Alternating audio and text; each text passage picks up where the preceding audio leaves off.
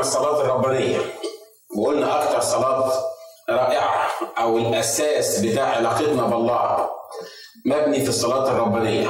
وقلنا إن الصلاة الربانية أكتر صلاة مظلومة. مش كده؟ ليه؟ لأن من كتر ما قلناها ومن كتر ما عدناها فقدت الأهمية بتاعتها فقدت الفهم بتاعها. تفضل تقول يا أنا لازم في السماوات 20 30 مرة في اليوم؟ مش كده؟ هل هي مجرد كلمات نفضل نرددها في في في اجتماعاتنا أو في صلاتنا اليومية؟ هل اللي قصد الرب فعلا إن هو إن الواحد يقول أنا لازم في السماوات تتقدس اسمك ياتي ملكوتك تذكر مشيئتك كما في السماء كذلك الأرض خبزك وفلا اليوم حد سمع حاجة؟ ولا أنا لأنه مرات كثيره إحنا بنتصرف بيها في الطريقة دي وقلنا إن إن حجر الأساس في الصلاة دي إن الصلاة دي مش أي حد يقدر يقولها وما ينفعش إن كل واحد يقولها. ليه؟ لأن أول كلام في أبانا الذي في السماوات بتقول أبانا. مش كده؟ وإحنا قلنا إن الإنسان على الأرض ليه أب من الاثنين يا إما الرب يسوع المسيح والله الآب يا إما إبليس. والكلام ده أنا ما جبتوش من عندنا. كتاب بيقول كده للكتبة والفريسيين ورؤساء الدين بيقول لهم إيه؟ بيقول لهم أنتم من أب وهو إبليس. فلو كان ده الأب بتاعي إبليس يبقى ما ينفعش إن أنا أكلم الله وأقول له أبانا الذي في السماوات. لأن دي معناها إن ده مش أبويا. اتكلمنا بسرعة في المرات اللي فاتت على بعض النقاط البسيطة. أنا كاتب الشواهد طبعا لأن أنا عجزت زي ما أنتم عارفين. فقلنا إن كان الله ابانا وبنقول له ابانا يبقى إحنا إيه؟ إحنا عيلة مش كده؟ ولو كنا عيلة نبقى إخوة وأخوات في المسيح عيلة family one family.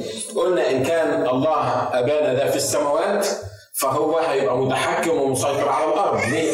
لأنه أعلى من الأرض، أعلى من الجبال، أعلى من كل ما فيها. كان الله أبانا يعني أبوك تقدر تتكلم ليه من حقك تتكلم ليه ومن حقك تسمعه. وقلنا مرات كتيرة إحنا بنعمل إيه؟ بنتكلم مش كده؟ لكن ما أقل المرات اللي بنسمع فيها ما أقل المرات اللي بنقعد فيها قدام الرب عشان نسمع. إحنا أجدع ناس تتكلم في الصلاة. مظبوط. لو طلبت من الأخ فلان يصلي أو حتى لو ما طلبتش منه يصلي مرات كتير مش ما هياش مشكلة يعني الصلاة ما هياش مشكلة. تقعد في محضر الرب لمدة ساعة تتكلم تتكلم تتكلم تتكلم تتكلم وبعد الساعة تقول أمين. تاخد بعضك وتقفل الباب وتخرج. أنت متخيل معايا لو أنت دخلت قدام أبوك عشان تتكلم معاه وفضلت تتكلم معاه لمدة ساعة ومش عاطيله فرصة يتكلم معاك تفتكر أبوك هيفرح بيك قوي يعني؟ هيبقى مبسوط؟ هو محتاج إن هو أنت تكلمه. وهو يكلمك. محتاج تتكلم معاه وتستنى شوية في الصلاة وتسمع صوته. حتى لو ما كانش في ودانك تسمع صوته في قلبك.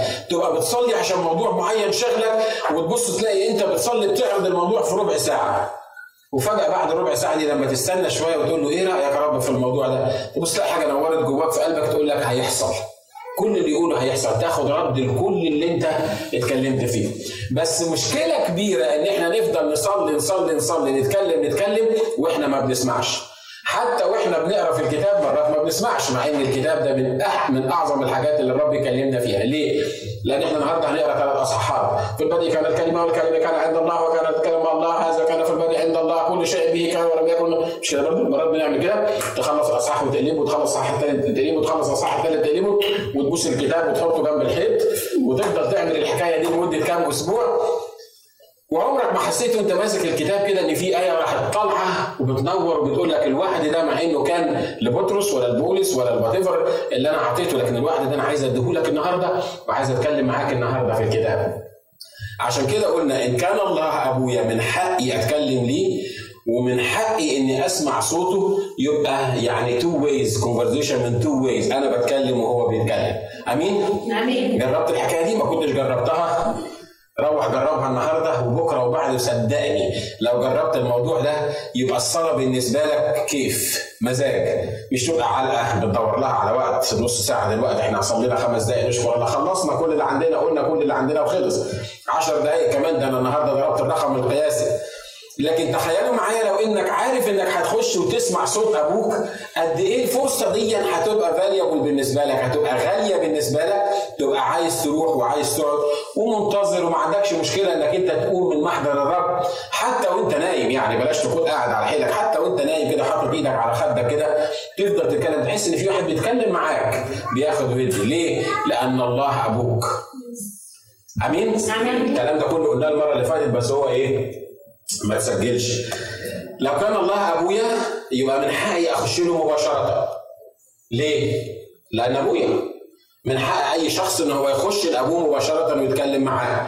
وفكرة إن الله ابويا تنفي فكرة الشفاعة والوساطة مهما كان هذا التعليم جاي منين. ليه؟ لأن أبويا فاتح الباب بيقول لي تعالى مش محتاج إن أنا أجيب له وسيط ولا شفيع ولا اتحايل عليه عشان يسمعني ولا أقول له مش عارف يمين اعمل معروف هات لي مش عارف إيه ولا أقول لربنا إيه ولا افتح لي الباب ولا ولا روح كلمه عني. ليه؟ لأن الله أبويا. It's very simple facts. لكن فعلا تغير الحياة بالكامل. فلا شفاعة ولا وساطة في المسيحية لسبب بسيط قوي. لأن لما التلاميذ قالوا للرب علمنا أن نصلي قال لهم إيه؟ قولوا أبانا الذي في السماوات. خلي بالكم ده ما كانش في العهد القديم. ما كانش في العهد القديم حد يقدر يخش لله. ما كانش لكن الإله كان في العهد القديم القديم إله محتجب يعني إيه؟ يعني تخيلنا مثلا المكانين دول ده قدس الأقداس وده القدس. وفي ورا الباب الثاني ده في حاجة اسمها الدار الخارجية أو الدار بتاعت ال ال ال الهيكل. كل الناس كانوا يقفوا في الدار الخارجية. كل الناس يقفوا بره ما حدش يقدر يخش للقدس إلا مين؟ الكهنه فقط. ومحدش يقدر يخش القدس الأقداس إلا رئيس الكهنة فقط. يعني الإنسان اللي واقف من بره في الكومبارتمنت اللي بره دون كان بيحجبه عن الله اتنين حجاب أوضتين. حتى لو جروا إن هو يخش للقدس وده ما كانش ينفع ابدا إلا للكهنة ما كانش في احتمال إن واحد فيهم يقدر يفتح الستارة دي ويبص مش على حضرة الله يبص على مجرد التابوت. اللي كان بيمثل حضرة الله لكن عارف الكتاب بيقول لما اتصلب الرب يسوع اللي حصل إيه؟ اتشق الحجاب من فوق لتحت. مش من تحت لفوق ده اتشق من فوق لتحت. كأن الله دلوقتي نزل قال خلاص العهد القديم ده انتهت. مفيش حاجة اسمها الدار الخارجية مفيش حاجة اسمها القدس. في حاجة اسمها قدس الأقداس. وانتوا اللي مش قادرين تخشوه اللي بتتمنوا. تخيلوا معايا واحد أنا اتولدت مثلا من صرت يهودي وصرت يهوذا ده مش صرت الكهنة صرت الكهنة وصرت اللاويين ما حدش ينفع يكون كاهن إلا من صرت اللاويين فتخيلوا معايا أنا من صرت يهوذا محكوم علي إن أفضل طول حياتي أعبد الله من الدار الخارجية فقط. ما أقدرش أخش للقدس ولا قدس الاقداس لكن النهارده مش سبت يهوذا بس ولا سبت اللاويين بس ده المسلمين والمسيحيين والبوذيين والأمم والذين بلا إله أول ما الرب مسك الحجاب كده وفتحه وراح شقه من فوق كأنه بيقول أنا عملت الطريق الحي الحديث ده عشان أي واحد فيكم ما يستناش كاهن يقف قدامه يوصله لمحضر الله أو للحجاب أو للتابوت لكن أنت من حقك كمؤمن لأن الله أبوك تخش إلى قدس الأقداس وتتراءى قدام شخصية الرب نفسه وتكون موجود في محضر الرب. حاجة تجنن؟ يس ات حاجة فوق إدراك عقولنا فوق إدراك عقولنا. لكن نشكر الله إن مفيش واحد من الكهنة هو اللي شق الحجاب. اللي شقه كان مين؟ كان شخص الرب وشقه من فوق إلى أسفل. كل ده خدناه بالبنوة اللي إحنا كنا بنرنم بيها. عشان كده لما الناس تترنم وتسقف وتقول يا هنانا بالبنوة وتبان إن هم عاملين زي المساطيل كده وفرحانين وبتاع يقول لك هو الأخ فرحان على إيه؟ أنت بقى تاكل عشان تيجي تهدف في محضر الرب مش عارف المشاكل اللي عندك. انت مش عارف عملت إيه. لا يا جماعة اصل أنا فرحي وعلاقتي بالله مش مبنية على أنا عندي قد إيه في البنك ومش مبنية على أنا مين ولا ابن مين ومش مبنية على شهادتي ومش مبنية على دمي الخفيف ولا على إمكانياتي. ده كله مبني أما كل الذين قبلوه فأعطاهم سلطان أن يصيروا أولاد الله أي المؤمنون باسمه. إن كانت القديسة العذراء مريم شخصيا هي اللي قالت إنه بيرفع من المزابل بياخد من الناس الواطية ويحطهم على الكراسي أمال أنا وأنت نقول إيه؟ مش كده؟ هو بياخدنا إحنا خدنا المصدر وغير الموجود وعملنا أبنائه. ليه عملنا أبنائه؟ هو حر. هو حر عايز يتبنانا هو حر محدش عارف عشان كده الآية بتقول هكذا أحب الله العالم وكلمة هكذا الناس عمالين يدوروا يعني إيه هكذا يعني كده انت مالك؟ انت اللي عليك انك تفرح بالبنوة دي وتعرف ان الله أحبك. ولو أبويا غني أبويا الأرض غني الشيء الطبيعي إن أفكر في الميراث. مش كده ولا إيه؟ مش عايزه يموت آه. وعايزه يفضل. بس أنا عارف إن أنا بستمتع بالغناء بتاعه.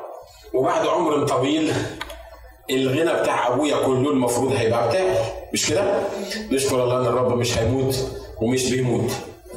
طب إن كان أبويا الله غني جدا جدا جدا بما يفوق إدراك عقولنا ومش هيموت. يبقى بالتالي الورث الأول يعني يعني مش هحصل عليه مش ممكن أحصل عليه لأنه مش هيموت لأن ما حدش بيورث حد إلا لما يموت. عشان كده الله حب يحل المشكلة دي. قال لك الغنى اللي عندي ده كله اوديه لمين؟ أديه لمين؟ لما لما تكلم واحد من الناس المبلوعين في الشغل واخد بالك؟ في ناس مبلوعين كده في الشغل يروح الشغل الساعة 7 الصبح ويرجعوا الساعة 12 بالليل ويفضلوا يشتغلوا. سوري في التعمير زي الحمار اللي بيحطوه في الساقية وعمال يشتغل وعمال يشتغل ويعمل فلوس ويعمل فلوس ويعمل فلوس. لما مراته تقول له يا راجل تعالى البيت بدري شوية عشان تقعد معايا لا وأنا بعمل ده كله لمين؟ مش أنا بعمل ده كله ليكم أنتوا؟ وأنا مش بعمل ده كله للعيال؟ مش مرات كتير بنقول كده؟ ها وتحللها انك انت عمال تشتغل تشتغل تشتغل ليه؟ عشان العيال لانك انت عايز تورثه للعيال بعد كده عايز تضمن لهم حاجة تكون يعني فاليبل بعد ما تموت. نشكر الله يعني كويس انك هتسيب لهم حاجة ده لو سبت لهم يعني. لكن الرب بيقول إنه هو حي عايز يحل المشكلة دي عايز يعمل إيه؟ عايز يدي الميراث اللي عنده، الميراث اللي عندي ده كله أديه لمين؟ الشيء الطبيعي ان هو يعطى للأبناء الشرعيين. مين الأبناء الشرعيين؟ أنا وأنتم والرب كتب وصية كده منذ تأسيس العالم. كتب وصية وكتب فيها الحاجات اللي نورثها أنا وأنتم هقول لك بس سبع حاجات. في لقا 11 طلع معايا بسرعة عشان هنطلع شواهد كتير. في لقا 11 بنلاقي الصلاة الربانية. طلع معايا روميا على طول. طلع روميا 8 رمية 8 يا ريت يبقى معاك الكتاب المقدس بتاعك. ومعاك قلم احتمال حاجة تخبط فيك تحب تكتبها تفكر فيها لما تروح. يبقى كويس يعني.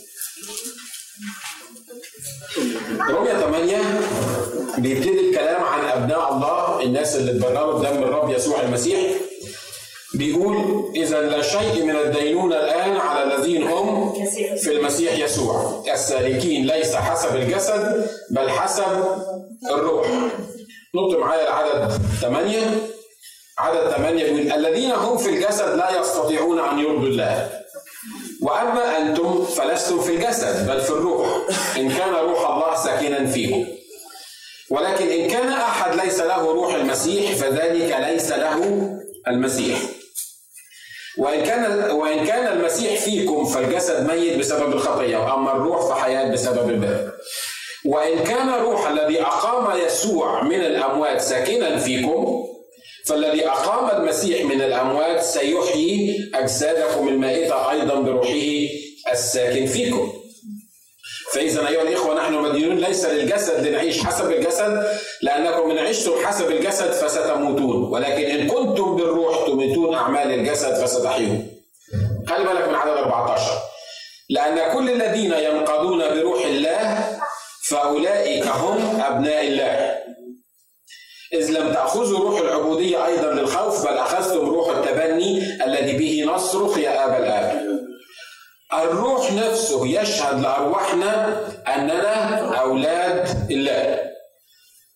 عدد 17 نتيجة طبيعية للروح اللي بيشهد أننا أولاد الله فبيقول فإن كنا أولاد فإننا فإننا ورثة أيضا. ورثة مين؟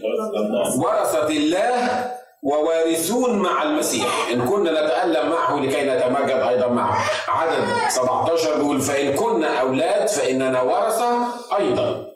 ورثة الله ووارثون مع المسيح واحد جه يسأل الرب السؤال ده قال له ماذا أعمل لأرث الحياة الأبدية؟ كان سؤال خايب قوي مش كده؟ قلنا في الشريط اللي إحنا عملناه ده يعني تعمل إيه علشان تورث الحياة الأبدية؟ مين فينا بيعمل عشان يورث؟ الحاجة الوحيدة اللي ممكن تعملها عشان تورث إنك تقتل أبوك. وإحنا نشكر الله أبونا لا يتقتل ولا حد يقدر يجي جنبه. ليه؟ لأن طول ما أبوك عايش مش هتورث ما تتعبش نفسك في الموضوع. وده بيتكلم عن الحياة الأبدية فبيقول له ماذا أعمل لأرث الحياة الأبدية؟ خلي بالكم أول حاجة ترثها الخلاص ماذا نرث؟ في الوصية بتاعت الميراث بتاعنا أول حاجة ترثها هو الخلاص افتح معايا عبرانيين واحد 14 رسالة العبرانيين أصح واحد وعدد 14 بيتكلم عن الرب يسوع اللي خد اسم أو ورث اسما أفضل من كل الأسماء التانية. وعدد 14 بيقول الكلام ده. الأول كان بيقارن بين الرب يسوع وبين الملائكة. عدد 13 بيقول لمن من الملائكة قال قد اجلس عن يميني حتى أضع أعداءك موطئا لقدميك عدد 14 بيقول أليس جميعهم أرواح خادمة مرسلة للخدمة لإيه؟ لأجل العتيدين أن يرثوا يعني أول حاجة تورثها هي إيه؟ الخلاص يعني إيه كلمة الخلاص؟ مرات كتير لما بنتكلم عن الخلاص أول حاجة تخش في ذهنك ولاد الذين يا جماعة البروتستانت دول بيقولوا الخلاص في لحظة ويقول لك الجنيه في مصر والدولار في أمريكا على البروستانتي ليه؟ لأنه بيخلص في لحظة قبل ما تطلعه تبص تلاقيه تلاقيه خلص مش كده؟ في حاجة اسمها خلاص في لحظة؟ أنتوا اتجننتوا؟ في حاجة اسمها خلاص في لحظة؟ هو أنا وأنتوا بنورث في قد إيه؟ لما تحب تورث هتورث في قد إيه؟ في لحظة ها؟ في لحظة. في لحظة تمسك الوصية تلاقي مكتوب ما ما يعني أنا بورث ابني فلان الفلاني ال- الثروة بتاعتي اللي من ضمنها وأول حاجة فيها الخلاص عشان كده الخلاص من ال- الخطية الخلاص من عقاب الخطية الخلاص من دينون دينونة الخطية هو خلاص في قد إيه؟ في لحظة. ليه؟ معقولة؟ الإنسان يتخلص في لحظة. آه زي ما الإنسان بيورث في لحظة إحنا كلامنا هنا عن الملائكة بيقول لأجل العاتدين أن يرثوا الخلاص. إذا الخلاص والغفران من الخطية أنت ورثته ما عملتش فيه حاجة. أمين؟ الخلاص إحنا ورثناه ما عملناش فيه حاجة مش كده؟ ليه؟ لأن إيه اللي أنت عملته عشان تتخلص من الخطية عقاب الخطية؟ تقدر تقول لي دفعت فيه قد إيه؟ تقدر تقول لي عملت قد إيه عشان الرب يخلصك عشان يديك؟ يا ما عملنا ويا ما حبينا نتخلص مش كده؟ وكل ما كنا نعمل كانت تزداد هم على دماغنا أكتر وكان يحصل لنا اكتئاب مش كده؟ وكنا فاكرين إن إحنا فاهمين وإن إحنا يعني ماشيين تمام وإن إحنا بنرضى الله بندفع في الكنيسة وبنشتري صور وبنولع شمع وبنعد على السبحة 33 مرة ولا 35 مرة الصلاة في اليوم لما تهانت إيدينا من السبحة وكنا فاكرين إن إحنا ما إحنا بنعمل أهو عايز مننا إيه تاني أكتر من كده؟ لكن كل إنسان عرف الرب مخلص شخص لحياته عرف إن الاختبار دون ممكن يحصل عليه في لحظة لما يحن دماغه ويقول للرب في تواضع أنا إنسان هالك وخاطي ورايح جهنم والحل الوحيد إنك تورثني الخلاص بتاعك لأن الخلاص مش أنا اللي دفعت فيه الرب اللي دفع فيه دم دم كريم كما من حمل بلا عيب ما حدش يقدر يدفع ابدا في خلاص نفسه. أمين؟ آمين. الكتاب بيقول ليس من أعمال كي لا يفتخر احد ليه؟ لأنه لو من أعمال لو أنا اشتغلت عند أبويا وبعدين أبويا قال لي أنت راجل جدع قوي وأنا قررت إن أنا أدي لك 100000 دولار من الورثة بتاعتي تفتكروا كده يبقى أنا ورثت ولا أنا خدت تعب عملي؟ مش كده؟ ليه؟ لأن أنا اشتغلت لكن لو أنا ما عملتش وكل الحكاية لأني ابن أبويا راح قال لي بص كل اللي عندي ملكك يبقى أنا ما تعبتش عشان آخد الحكاية دي لكن أنا ورثته والخلاص يورث مش من أبويا الارضي لأن ما حدش يقدر يورث الخلاص لابنه. مش كده؟ مرات تيجي تقول للواحد ما تيجي الكنيسة يقول لك ده أنا من عيلة شماس. ما أعرفش ما بتكلمش على عيلة معينة عشان يكون حد في فلسطين اسمه عيلة شماسي يقول لك ده أنا من عيلة شماس. عارف عيلة شماس يعني إيه؟ ده جدي كان شماس وأبويا كان شماس وجد أبويا كان شماس. ده إحنا اللي أسسناها من أول الجد الكبير اللي أنا مش عارف اسمه لغاية تحت كلنا. أنت جاي تكلمني أنا يا راجل؟ روح كلم المسلمين ولا كلم حد ما يعرفش المسيح. بيحصل ولا ما بيحصلش مش كده؟ صدقني أنت لو ما كنتش من عيلة الشماس لو كنت من عيلة الامس حتى ولا كنت من عيلة الأسيس ناجي ولا من أي عيلة. الخلاص ما حدش فينا يقدر يورثه للتاني يا حبايب.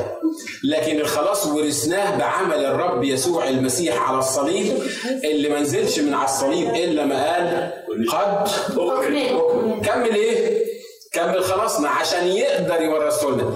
إحنا من كتر سهولة الخلاص مش قادرين نفهمه. مش كده؟ من كتر سهولة الخلاص يعني واحد مجرم.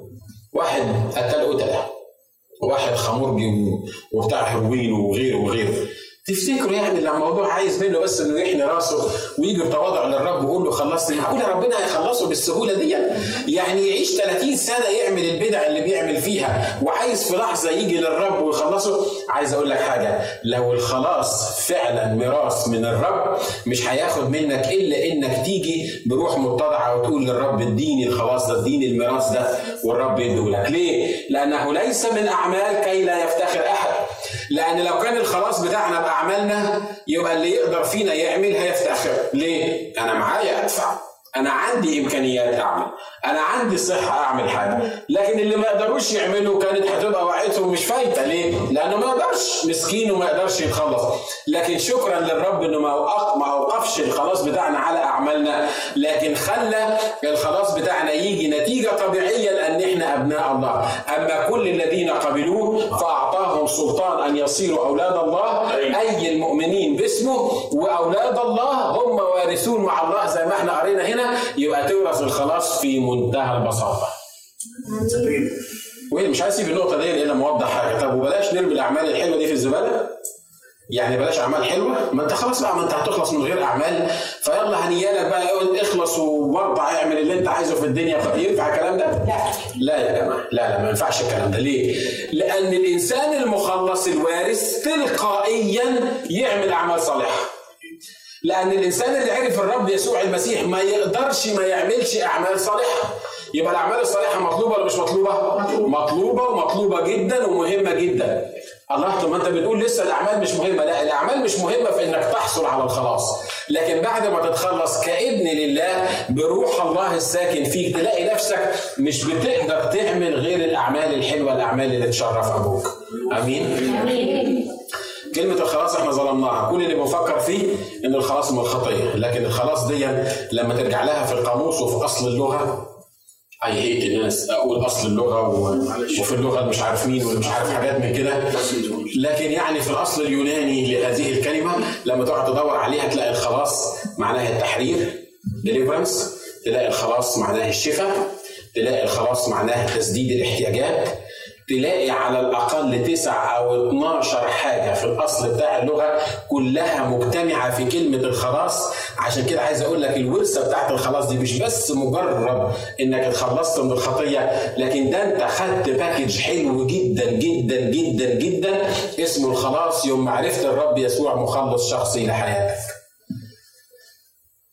أنت مش عايز تعرف الرب يسوع؟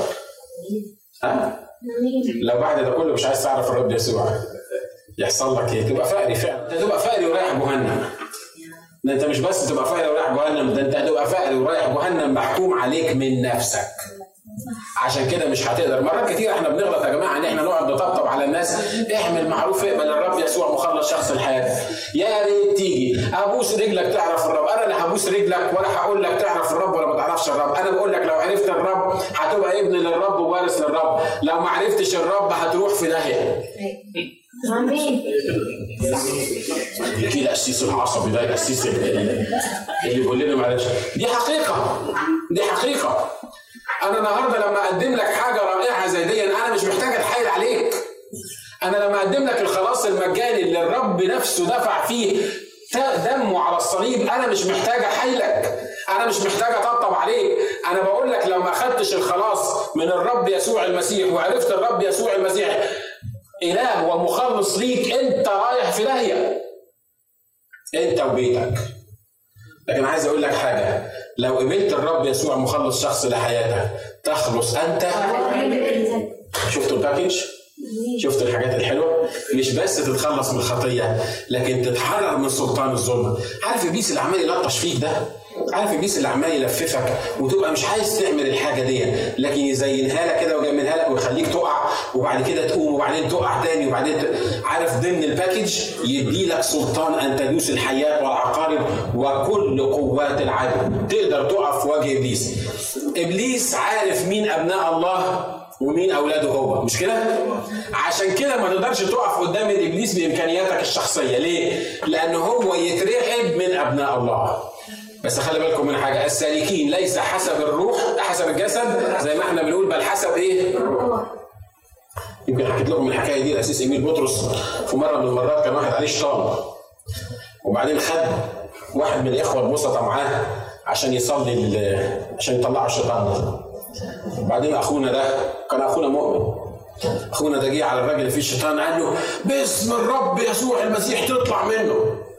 عارف مرات إحنا مؤمنين بنبقى مؤمنين بس سالكين حسب الجسد وبنتخيل يعني إن أنت ممكن تتشنج على الشيطان أنت عندك السلطان آه. بس السالكين ليس حسب الجسد بل حسب يعني أنت كإنسان مؤمن عندك السلطان بس مطلوب منك إنك تسلك حسب الروح عشان تعرف تستخدم السلطان.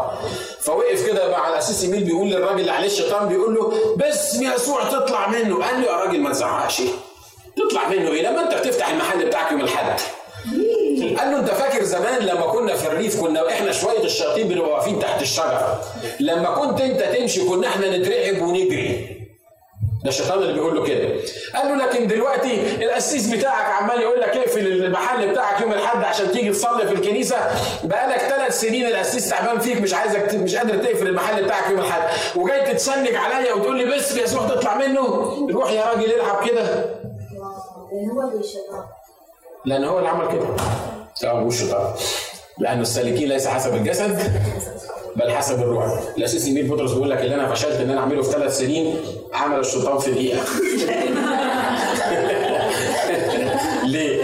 لأن الراجل ده أول ما سمع الكلام ده من الشيطان قال أنا خلاص تبت أنا هقفل المحل يوم الحد الشيطان وبخه الشيطان وبخه عايز أقول لكم إن الملائكة اللي إحنا متخيلين إن هم من رانك أكبر مننا مش كده؟ يقول لك إحنا هنعمل النهارده عيد للملاك مخايل هنعمل عيد للملاك جبرائيل هنصوم للملاك الفلاني. هنعمل كذا للملاك الفلاني.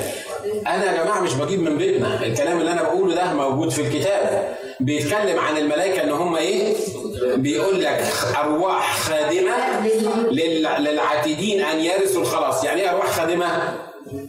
يعني خدمين يعني خدمين مش هو الكتاب بيقول كده؟ أرواح خادمة عشان يخدموا العاتدين أن يرثوا الخلاص. مين العاتدين أن يرثوا الخلاص؟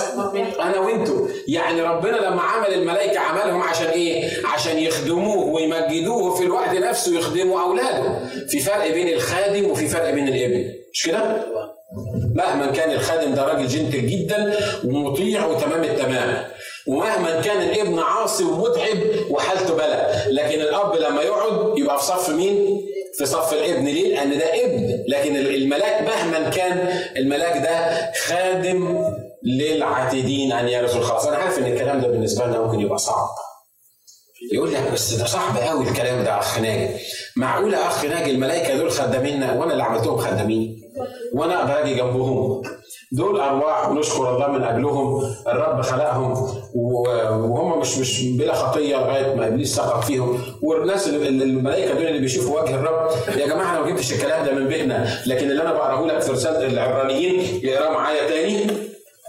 بيتكلم عن مقارنة بين المسيح وبين الملائكة بيقول ثم لمن من الملائكة قال قط اجلس عن يميني حتى أضع أعدائك موطئا لقدميك يعني اللي قال له اجلس عن يميني حتى اضع أعدائك موضعا لقدميك ده كان بيتكلم عن المسيح.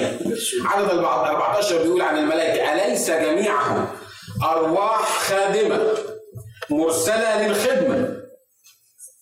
مفهومة يمكن مش عايزه مش عايزه مش عايزة شرح يعني.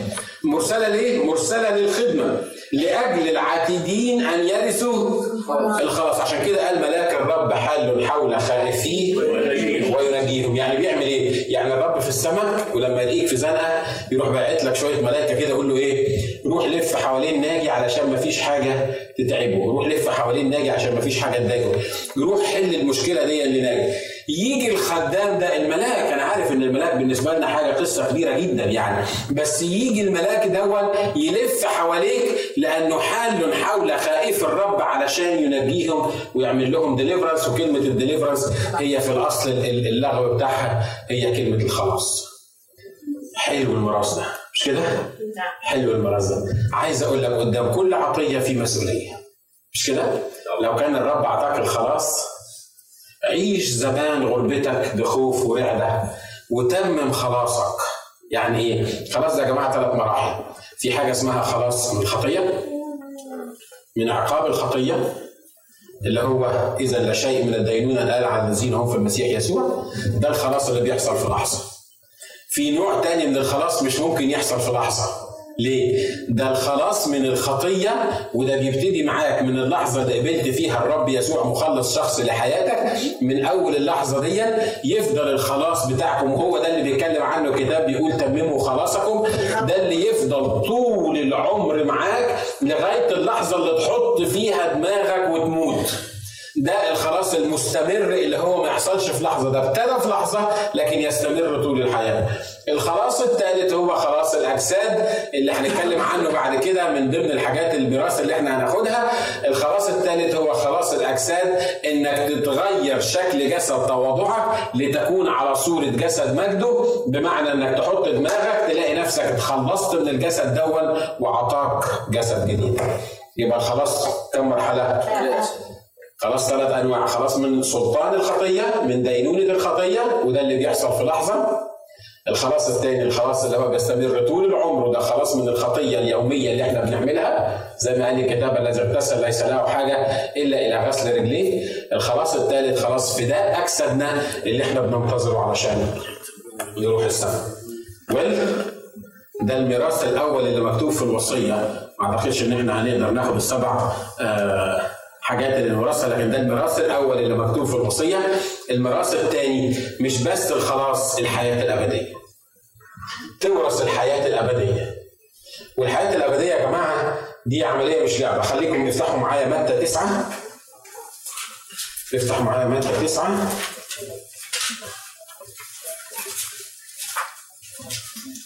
وعدد 27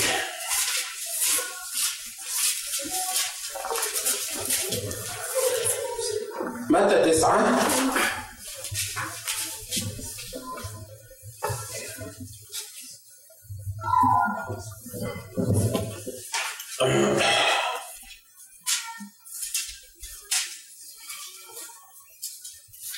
لا متى 19 سوري.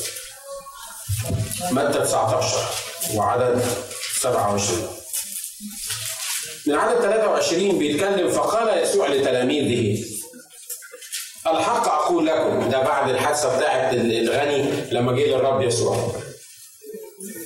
فقال يسوع لتلاميذه الحق أقول لكم أنه يعسر أن يدخل غني إلى ملكوت السماوات. وأقول لكم أيضا أن مرور جمل من ثقب إبرة أيسر من أن يدخل غني إلى ملكوت الله. إيه ده هو ربنا ما بيحبش الأغنياء؟ ربنا ما بيحبش الغنى؟ يعني الأغنياء مش هيخشوا ملكوت السماوات؟ لازم الفقراء بس هم اللي يخشوا ملكوت السماوات. لا الكلام هنا لما بيتكلم عن الغني بيتكلم عن المتكلين على أموالهم. الأغنياء متكلين على الأموال بتاعتهم. عدد 25 بيقول فلما سمع تلاميذه بهتوا جدا قائلين اذا من يستطيع أن يخلص؟ لأن الناس كلها معاها فلوس. وأنت بتقول إن الغني ما يقدرش يخش ملكوت السماوات. من يستطيع أن يخلص؟ فنظر إليهم يسوع وقال لهم هذا عند الناس غير مستطاع ولكن عند الله كل شيء مستطاع. عدد 27 فأجاب بطرس حينئذ وقال له ها نحن قد تركنا كل شيء وتبعناك فماذا يكون لنا؟ فقال لهم يسوع الحق أقول لكم إنكم أنتم الذين تبعتموني في التجديد. متى جلس ابن الإنسان على كرسي مجده. تجلسون أنتم أيضا على اثنا عشر كرسيا تدينون أسباط إسرائيل الاثنى عشر. وكل من ترك بيتا خلي بالك من الحتة دي. وكل من ترك بيتا أو إخوة أو أخوات أو أبا أو أما أو امرأة أو أولادا أو حقولا من أجل اسمي يأخذ مئة ضعف ويحصل له إيه؟ ويرث الحياة الأبدية. ولكن كثيرون أولون يكونون آخرين وآخرون أولين. يعني الحياة الأبدية ميراث. والكتاب ده هنعرف بعد كده إن هذا الميراث لا يفنى ولا يتدنس ولا يضمحل يطلع واحد يقول لك إيه؟ يعني هو المؤمن اللي يعيش على مزاجه. يحصل يخش برضه الحياة الأبدية يمتلك الحياة الأبدية؟ لا مش ممكن. المؤمن يتخلص وبعد كده لو معاش مظبوط يفقد الخلاص بتاعه ويفقد الحياة الأبدية بتاعته ويحاول يطلع لك شواهد على الموضوع ده. لو ما كانش ميراث يا حبيبي كان ممكن تفقده. لو كان بأعمالك وبطريقتك زي ما إحنا بنقول كان ممكن تفرض تفقده. لكن الكتاب بيقول الذين في يدي لا يستطيع أحد أن يخطفهم مني. الكتاب بيقول خرافي تسمع صوتي وأنا أعرفها وأنا أعمل معاها إيه؟ أنا أعطيها حياة أبدية. عايز تفكر بالروح القدس كده في كلمة الحياة الأبدية دي كلمة مرعبة. عارف ليه كلمة مرعبة؟ لأن هتبتدي مش هتخلص. يخلص مليون سنة والحياة الأبدية لسه ما خلصتش. يخلص 10 مليون سنة والحياة الأبدية تبقى لسه في بدايتها. يخلص 10 بليون سنة من السنين اللي إحنا بنحسبها وتبقى الحياة الأبدية لسه ما فاتش منها غير خمس دقائق انت واخد بالك من المدة اللي إحنا بنتكلم عنها؟ الحياة الأبدية شيء مرعب. لكن لما الرب ينور زي ما قال أنار لنا الحياة والخلود؟ يبقى الحياة الأبدية شيء مسر عايز أقول لكم اللي عمله الرب معانا مش بس انقذنا من سلطان الظلمة. أنت متخيل معايا جهنم في الحياة الأبدية شكلها إيه؟ صدقني أكيد مش متخيلها. لأنك لو كنت متخيلها كان زمانك ونيت الحياة الأبدية مع الشيطان في جهنم بتتمثل في شوية حاجات. اولا مكان ظلمه ما فيهوش نور على الإطلاق. مين فيكم يقدر يقضي يومين في بيتهم من غير نور خالص؟ تيجي بالليل انت عارف ان النور مقطوع. وتاني يوم عارف ان النور مقطوع. وتالت يوم عارف ان النور مقطوع. ده كمان تبقى زادت الطينه بله لو كانت الدنيا مغيمة يبقى الصبح مقطوع وبالليل مقطوع. لو قعدت أسبوع في نور مقطوع يجي لك العصبي شلل الأطفال. مش كده؟ ليه؟ لأنك قاعد في نور في ضلمة. نور مقطوع. مش بس النور المقطوع ده نور مقطوع ونار لا تطفى. يعني إيه تخيل معايا إنك قاعد في ضلمة وفي أوضة فيها نار. يقول لك إزاي يعني في نار وفيه ضلمة؟ ما هو النار هتنور الضلمة. لا بقى ربنا خالق ضلمة مخصوص للعش... نار مخصوص للأشرار. تلسع لكن ما تنورش. ما حدش فيكم شافها؟ نشكر الله وأتمنى إن ما حدش فيكم يشوفها. والعاقل فيكم يحاول ما يشوفهاش. ليه؟ نوع النار اللي خلقها ربنا علشان يعاقب بيها الأشرار تلسع تدي اللسعة والحرارة بتاعت النار لكن ما تنورش. ليه؟ لأن الكتاب بيقول الظلمة الخارجية بيقول إن الحياة دي مع الشيطان عبارة عن ظلمة. خد حاجة ثالثه كمان. في حاجة اسمها دود لا يموت. يقول لك ما هو يا اخ ناجي الدود ده لو موجود في النار النار هتموته ربنا برضه خلق نوع من الدود أنت ما شفتوش وأتمنى إنك ما تشوفوش وتبقى عاقل وما تشوفوش. هذا النوع من الدود يعيش في النار ولا يموت. مش ربنا قادر على كل شيء يا اخوانا؟ يعني يقدر يخلق مش خلق سمك يتحط في المية يعيش يطلع من المية يموت؟ البحر. هو حر بقى لكن ده دلوقتي ده خلق نوع من الدود. يخش في النار يعيش. لو طلعت الدود ده من النار هيموت لكن مش هيطلع. يبقى عندك ضلمة ظلمة خارجية عندك آه ماكو نور اللي هو الظلمة الخارجية وفي الوقت نفسه آه ماكو نور نور اللي بتقول كده. وفي الوقت نفسه عندك نار وما تنورش وبعدين عندك دود لا يموت. عارف أسوأ الكل بقى إيه؟ إنك تبقى موجود مع الشياطين يا حلو. انت لما بتخش أوضة مثلا ضلمة اسم الصليب اسم الصليب اسم الصليب اسم الصليب تفضل ترشم في الصليب وتفضل مرعوب. وانت راجل بشنب ممكن يحصل لك كده مش كده؟ ممكن تحصل كده. ويمكن بس عشان مراتك واولادك واقفين ورا تعمل نفسك جدع وداخل الأوضة فارد صدرك لكن وانت داخل تخيل معايا انت داخل وعارف إن مكان فيه شيطان. شيطان واحد بس صغير قد كده. عارف إحنا بنضحك. ومن حقنا إن إحنا نضحك كل واحد افتداه الرب يسوع وخلصه. من حقه إنه يضحك ومن حقه إنه يفرح. لأن اللي أنا بقوله ده حقيقة واقعية. لكن تخيل معايا إنك أنت داخل أوضة مش فيها شيطان ده أنت داخل أوضة كلها شياطين. وفي الضلمة وفي النار وفي الدود. والشياطين. عارف كمان المشكلة في إيه؟ ده أنت داخل في أوضة كلها ناس محروقة بيصرخوا وبتقدر تشوف إحنا اشتغلنا في المستشفيات والناس اللي اشتغلوا في المستشفيات عارفين الحكاية ابغض قسم ممكن تمشي قدامه هو قسم الحب مش كده؟ تقدر تشوف أي حاجة. تقدر تشوف واحد ست بتولد واحد بيكسر واحد مش عارف إيه. لكن لكن القسم بتاع الحروق ده قسم غبي. يعني يعني ما تحبش تمشي قدامه. عندك ضلمة وعندك دود وعندك شياطين وعندك نار وعندك الدنيا كلها حواليك مليانة محاريق مش بيموتوا عمالين يصرخوا. عارف أصعب حاجة في جهنم هي إيه؟ صدقني مش كل ده مع إن ده ما حدش يقدر. أصعب حاجة من جهنم. إن إبليس هيفضل يفكرك وهو بيتعذب هيفضل يفكرك يقول لك فاكر لما كنت قاعد قدام الاسيس ناجي وكان بيكلمك عن الحياة الأبدية وإنك تسلم حياتك للمسيح وإنت بالعنجهية بتاعتك قلت لا؟ فاكر انك انت ما صدقتش لما هو كان بيتكلم عن الدود وعن الضلمة وعن الشياطين؟ فاكر الكلام ده؟ والموضوع ده مش هت يعني مش هتقدر تهش لكن الموضوع ده هيفضل يتكرر معاك مرة واثنين وثلاثه لمدة قد إيه؟ forever وده أكبر عذاب ممكن الواحد يتعذبه. اللي بيتعذب وهو ملوش في العذاب اللي حصل معاه. خلاص أنا أنا, لو ضميري مستريح أنا أقول أنا ما سمعتش أو ما حدش قدم لي الرسالة it's okay لكن لو حد قدم لك الرسالة وأنت بالعنجهية بتاعتك برضه مصر إنك ما تقبلش يسوع المسيح لأي سبب what لأنك آه تعليمك غير كده ولا انك من طائفه تاني ولا انك جاي من كوالالمبور وإحنا مش عارفين القصة بتاعتك. no matter what السبب اللي انت بترفض عشانه النتيجة الأساسية نتيجة واحدة في الآخر إن ضميرك هيفضل forever يتكلم معاك ويدينك ويقول لك أنت اللي رفضت الخلاص رفضت قبول الرب يسوع المسيح مخلص شخص الحياة أنت واخد بالك من ال من ال من ال من القصة اللي إحنا قلناها دي لما الرب أنقذنا مش لغى عننا بس الحاجات دي ده هو لو لغى عني بس الحاجات دي وحطني في مكان كده مثلا زي الكهون وسابني فوريفر اشكر الرب تمام. ده أنا يعني اتخلصت من النار ومن الدود ومن الشياطين ومن المحاريق ومن ال ومن ال الضلمة ومن العذاب الضمير.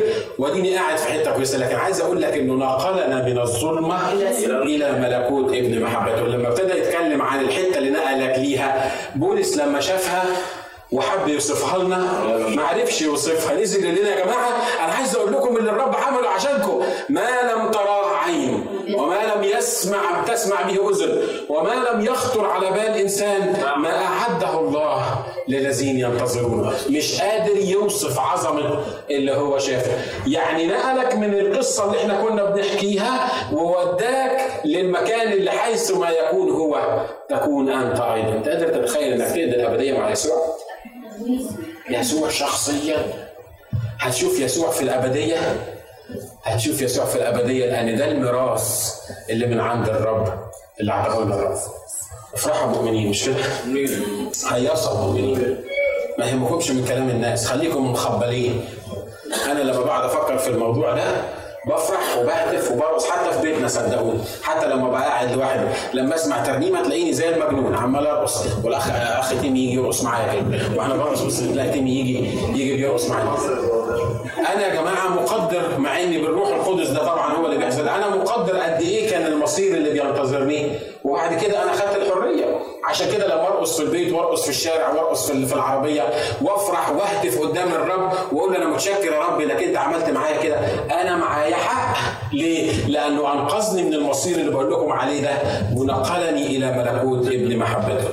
قادر تتخيل منظر يسوع وهو قاعد على العرش بالروح القدس الرب يدينا إحنا نتخيل. قاعد الرب يسوع موجود على العرش والملائكة اللي كانوا في يوم من الأيام بيخدمونا وبيخدموه بي بيروحوا يطيروا حواليه. والملائكة بتقول قدوس قدوس قدوس. رب الجنود مجده ملء كل الأرض. وإحنا كل اللي بنعمله إن إحنا بنرنم وبنسجد عند قدميه وبنقول له مستحق أنت أيها الخروف المذبوح أن تأخذ المجد والكرامة والعظمة والقدرة. ويمكن الرب يفتح لك كده اوبننج صغيرة تبص على الأشرار وهم بيتعذبوا وتقول أنا كان مكاني هنا أنا كان المفروض أبقى في الحتة دي. أنا كان المفروض أبقى في العذاب لكن الرب يسوع هيستقبلك بنفسه وياخدك حتى حيث ما يكون هو. تكون أنت أيضا. مجدا للرب. إحنا خدنا اثنين حاجات أنا ورثها دلوقتي. اولا الخلاص ثانيا الحياة الأبدية. هنكمل الكلام ده الأسبوع الجاي وخلينا نحن رؤوسنا مع بعض ونشكر الرب من كل القلب لأنه أنقذنا من سلطان الظلمه ونقلنا إلى ملكوت ابن محبته